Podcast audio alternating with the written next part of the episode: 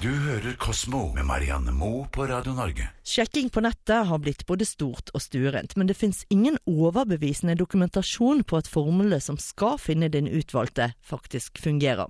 Det mener amerikanske forskere som har analysert datingselskapenes metoder.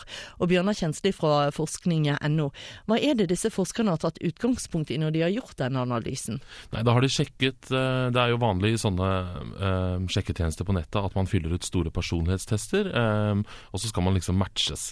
Og, og disse nettsjekkeselskapene de påstår jo at de har unike algoritmer og beregningsmåter som gjør at man på en måte treffer folk som passer en da, eh, veldig godt. Men uh, etter hva de forskerne her ser, så stemmer ikke det så veldig godt. Det går mest på overfladiske ting som uh, å like å gå tur i skog og mark, og så deler man de interessene, og så finner man hverandre. Der går liksom ikke noe særlig dypere enn det, da. Bruker vi kvinner og menn disse nettdatingstjenestene likt? Ja, eh, vi, eller vi bruker de ikke likt, vi bruker de veldig mye. Eh, eh, blant amerikanere så er dette her nå eh, den nest mest populære måten å finne noen. Altså det å treffe noen gjennom venner, det står fortsatt på topp. Og så eh, kommer nettdating, altså før jobb og på byen og, og, og, sånne ting. Så vi bruker det i hvert fall veldig mye. Men vi bruker det ganske annerledes. Eh, menn bruker det veldig mye mer til å rett og slett se gjennom masse Altså menn ser vel på noe sånn som tre ganger så mange damer som damer ser på menn menn, eh, annet. Så, så menn shopper kanskje litt mer. Disse dataene her tar utgangspunkt i amerikanske tall. Fins det noen norsk forskning på dette? Ja, det gjør det. Det er noen norske forskere som uh, har vært med på å lage en uh, nettsjekketjeneste som uh, holdt på for noen år siden. Nå er ikke den helt i Fins ikke den nettsjekketjenesten på samme måte som den gjorde før, men, men, de tok i hvert fall utgangspunkt i forskning da, og prøvde å lage personlighetstester som gikk litt dypere enn rett og slett bare at du liker rødvin og tur i skog og mark. Og, og, de mener jo at dette funka, men dessverre har de, ikke, har de ikke fått til å gjøre noe studie på hvordan det går med disse parene som har funnet hverandre på denne sjekketjenesten. Men, men det er noen som prøver. Ja, for, Ifølge reklamen så er det jo ganske mange som finner hverandre, så, men man vet altså ingenting med hvordan det har gått med disse parene i etterkant. Nei, og så er det jo ikke sånn at man, altså man treffer hverandre kanskje første gang på nettet, og så må man jo, må man jo etter hvert treffe hverandre i det virkelige liv også. Så det er jo, det er jo rett og slett bare en, en måte å få den den første kontakten på, da. Så, så jeg vet ikke hvor mye det egentlig skiller seg fra det å treffe hverandre i det virkelige liv. Men kan man si at disse datingselskapene på en måte gir litt urealistiske forventninger i reklameringen sin, da, når de eh, forteller hvor store sjanser du har for å møte drømmedamen eller drømmemannen? Ja, i hvert fall eh, hvis man skal tro på det at de sitter inne med en sånn algoritme eller beregningsmetode som gjør at man treffer andre mennesker som passer en perfekt. Det stemmer nok ikke helt, men, men eh, at det går an å treffe noe på nettet, det er jo helt sikkert, for det er det jo mange, mange som gjør.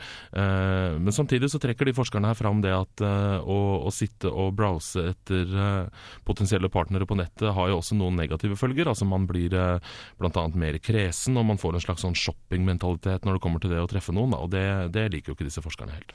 Du hører Kosmo med Marianne Moe på Radio Norge.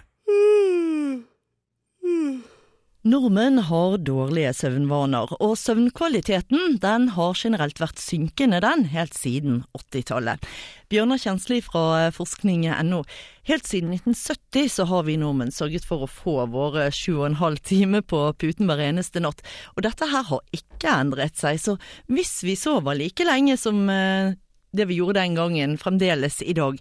Hva er da egentlig problemet vårt når det kommer til eh, søvn? Problemet vårt er at vi snur døgnet altfor mye eh, fra hverdag til helg. Eh, og det at vi legger oss senere. Så selv om vi sover like lenge, så får vi rett og slett bare mye dårligere tid på morgenen. Er det egentlig så ille å unne seg en eh, ekstra time på puten eh, på selveste hviledagen f.eks.? Nei, kanskje ikke en ekstra time, men det å snu døgnet og være liksom Hvis man er vant til å legge seg klokken 11 og stå opp klokken 7, og hvis man da istedenfor eh, legger seg klokken 2 og, og står opp klokken 10, så sover man jo like lenge, men man snur døgnet, og da vil man da bli enda trøttere på, på mandagen. Da, så da forskyver man døgnrytmen, og det, er, det, liker ikke kroppen vår. Nei, altså Hva er den kroppslige konsekvensen av en sånn eh, irregulær døgnrytme? Eh, ja, Det å ha en eh, irregulær døgnrytme det gjør at rett og slett at man blir trøttere. Og man har gjort studier som viser at barn som har store forskjeller i døgnrytme fra hverdag til helg, de gjør det dårligere på skolen og har større sjanse for å utvikle atferdsvansker. Disse faktorene her eh, har forskerne funnet i eh, tidsbrukundersøkelsen som Statistisk sentralbyrå har utført hvert eneste tiår fra 1970. Kan du si litt om eh, hva den går ut på? Det er rett og slett en undersøkelse hvor eh, et ganske stort utvalg nordmenn leverer inn et skjema og forteller om hva de bruker hele døgnet sitt på. Så da får vi et inntrykk av, hva folk faktisk driver med. Hvor mye de sover og, hva de gjør for noe på fritida og sånne ting. Vet vi da hva det er som er årsaken til at vi som kollektivt har begynt å forskyve døgnet på denne måten? De er ikke helt sikre på det, men de nevner bl.a. Uh, duppeditter, altså mobiltelefoner og lesebrett og, og sånne ting som man, man, holder på med. Og så er det jo også et ganske annerledes underholdningstilbud i disse dager enn det det var f.eks. på 80-tallet, hvor uh, Kveldsnytt slutta klokka 11, og da gikk man og la seg. Da kom det jo en fin solnedgang på NRK, da, da var det ikke mer å gjøre. Uh, og Sånn er det jo ikke lenger, så nå kan man jo for så vidt sitte og, og se på TV og drive med internett uh, døgnet rundt, og da, da legger man seg senere. Facebook, Wordfeud, iPad, alt i boks. altså ja, i det hele tatt. Ja. Og så er det jo selvfølgelig mange unge som har vanskeligheter da med å sette grenser når det kommer til tekstmeldinger og telefoner og, og, og sånne ting også, og bruker det da seint på kvelden og gjerne hjemme om natta også. Mm. Og så har jo vi vært inne på det i tidligere Kosmos-sendinger at kunstig lys fra f.eks. en iPhone-skjerm eh, på sengen eh, sent på kveld, det kan påvirke søvnkvaliteten, bare det også. Ja, det er veldig sterkt lys. Eh, mye sterkere enn det man tenker over, og man får det jo rett inn i øynene. Så det, det er jo like sterkt lys det som kommer ut av en iPad som det er fra en, et sterkt lys i stua, liksom. Så da, da, skiller ikke hjernen ut de stoffene som forteller deg at uh, nå skal man gå og legge seg, og da, da blir man ikke trøtt. Da sovner man seinere. Og så gjelder dette her eh, også uavhengig av alder og kjønn. Altså dette er felles for oss alle sammen. Ja, det er det. Og uh, de skylder da, som jeg sa, på duppeditter, men de skylder også da på skiftarbeid. For det har også blitt vanligere å, å, å jobbe kveld, og, og, noen jobber morgen, noen jobber natt. Og, og, det er også en stor innvirkning. Det er vanskelig å ha en regulær døgnrytme når man jobber skift. Du hører Kosmo med Marianne Moe på Radio Norge. Halvparten av alle menn begynner å miste håret før de runder 50, og 30% av alle menn begynner å miste håret alt innen de har fylt 30 år. Men hvorfor skjer det? Hva er egentlig årsaken til at menn blir skallet? Bjørnar Kjensli, dette er noe flere av forskning NOs lesere har lurt på også, så dere har vært ute og hentet svar fra forskerne. Hva er det egentlig de sier skjer?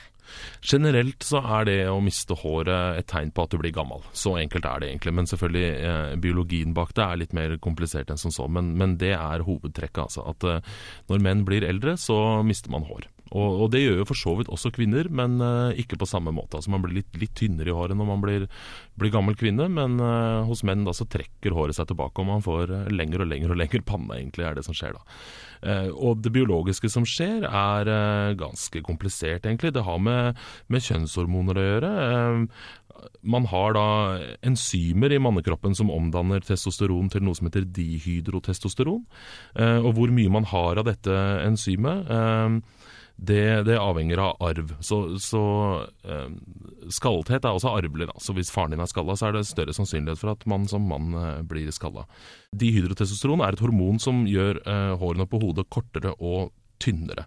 Så eh, det teller, og så teller det også hvor mange reseptorer man har på hodet for dette hormonet. Så det er, det er to ting som spiller inn her, eh, og det er arvelig. Men du sier altså at det er hormonelt. Betyr det at i ytterste konsekvens så kunne en mann ha beholdt håret hvis han hadde kastrert seg? Det er det noen uh, forskere som, som, mener. Man har jo, uh, det var jo uh, vanlig før i tida i noen kulturer å kastrere unge gutter som hadde fin sangstemme f.eks. Og da så man også at disse guttene, da, når de ble voksne menn, de mista ikke håret. Men det er vel en rimelig drøy pris å betale for å beholde håret. Rimelig drastisk, vil jeg tro, ja. Men er det likt uavhengig av hvor i verden man kommer fra? Så er det noen geografiske eller rasemessige for forskjeller på nordmenn eh, mister håret? Ja, det er ganske store forskjell, eh, faktisk. De tallene som du sa først, altså at 30 eh, av, av mennene begynner å miste håret innen de fyller 30, og, og, at halvparten av menn mister håret før 50, det er europeiske tall. Så det er hvite europeere. Eh, asiatere f.eks., der er tallene mye lavere, og de mister håret mye mindre da enn en, en hvite menn. Vet vi hva det kommer av, den forskjellen? Det er ikke godt å si, men det har noe med, med disse hormonene og reseptorene på, på, hodet å gjøre. Ehm, og eh, ja, Så det, det, har nok med det å gjøre, altså. Men hvorfor skjer ikke dette med oss kvinner? Altså, man ser jo aldri en kvinne i et par og 30 årene med med høye viker. Altså dette er, det er det mannlige kjønnshormonet testosteron da, som påvirker håret mest. Eh, og dette det jo, har jo menn mye mer i kroppen av enn det, det, kvinner har. Men med kvinner, når de kommer i overgangsalderen, da, så, så, faller eh, østrogennivået, altså det kvinnelige kjønnshormonet, eh, og testosteronet eh, som, Kvinner har jo også testosteron i kroppen. Da blir det på en måte mer testosteron i forhold til østrogen, og da kan kvinner også bli, eh, bli tynnere i håret, men absolutt ikke på samme måte som menn. Man får ikke måne. Liksom.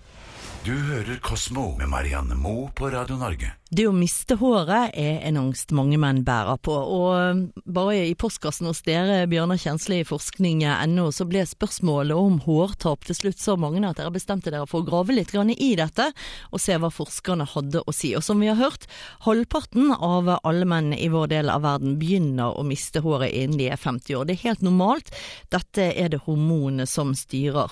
Men Bjørnar, altså, er menneskehånd den eneste som mister håret på denne måten, eller kan vi se det igjen også andre steder i dyreriket? Ja, Man ser det ganske mange steder i dyreriket, egentlig, men det er ikke så mange dyr som, som, blir så gamle som mennesker. Altså Mennesker har jo blitt, eh, vi blir jo eldre og eldre og eldre. Egentlig så skal vi kanskje ikke altså i, i det fri så hadde vi kanskje ikke blitt uh, halvparten så gamle engang som, som det vi blir i dag. Og da, da syns det jo så godt, men, uh, men det er jo sjimpanser og andre aper også som mister håret, omtrent på samme måte. Uh, men i det fri så vil jo de bli svake og gamle og vil bli spist. det fins jo også løver faktisk som, som mister håret. Og, og i noen dyrearter arter så er det å ha tynt hår er, eh, er et statussymbol. Altså Det betyr at du er gammel, og at du har overlevd og at du har utkonkurrert andre hanner. Så, så, blant noen eh, løver i Kenya så er det å ha måne et statussymbol. Så det er jo noe å tenke på. Mm, ja, for her er jo det litt omvendt. Altså Mens mange kvinner gjerne syns det er sexy med en barhodet herremann, så er jo hårtap ofte et ganske ømt tema for, uh, for menn. Vet vi noe om hvorfor de er sånn? Altså hvorfor håret betyr så mye for mannen i dag?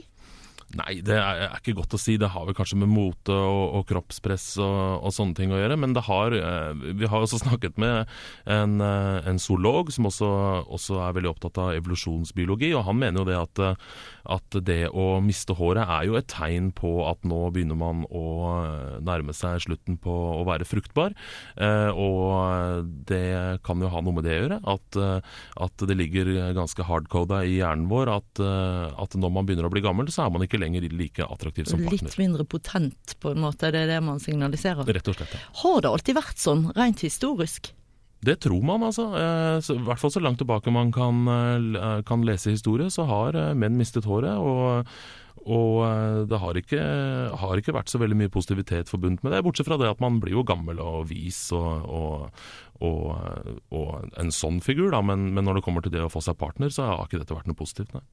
På nettet og andre steder så finnes jo det et vell av tilbud for menn som ønsker å beholde håret, og det er big business eh, mange steder. Men finnes det egentlig noe sikkert middel som virker? Det er veldig lite, eh, sier de forskerne som vi har snakket med. Det er noe. Det fins eh, midler som hemmer eh, disse enzymene som da menn som mister håret har mye av. Og det ser ut til å funke. Og, og, en forsker her som sier at 80% av pasientene har like mye hår eller mer hår ett år etter sånn behandling. Eh, men det mesteparten av det man finner på nettet er jo, er jo bare tull. Og sånn er det vel med de fleste andre medisiner også man finner på nettet. Kan man spise seg til bedre hår? Nei. Eh, vi har også spurt forskere om det å gå med lue eller, eh, eller, å spise fisk og sånne ting også på en måte eh, gjør det verre eller gjør det bedre, men det kan man ikke. Dette, er, dette styres av hormoner, og det er ganske vanskelig å påvirke. Altså. Kosmo, natur og vitenskap på Radio Norge. Søndag kveld fra klokken åtte. Radio Norge!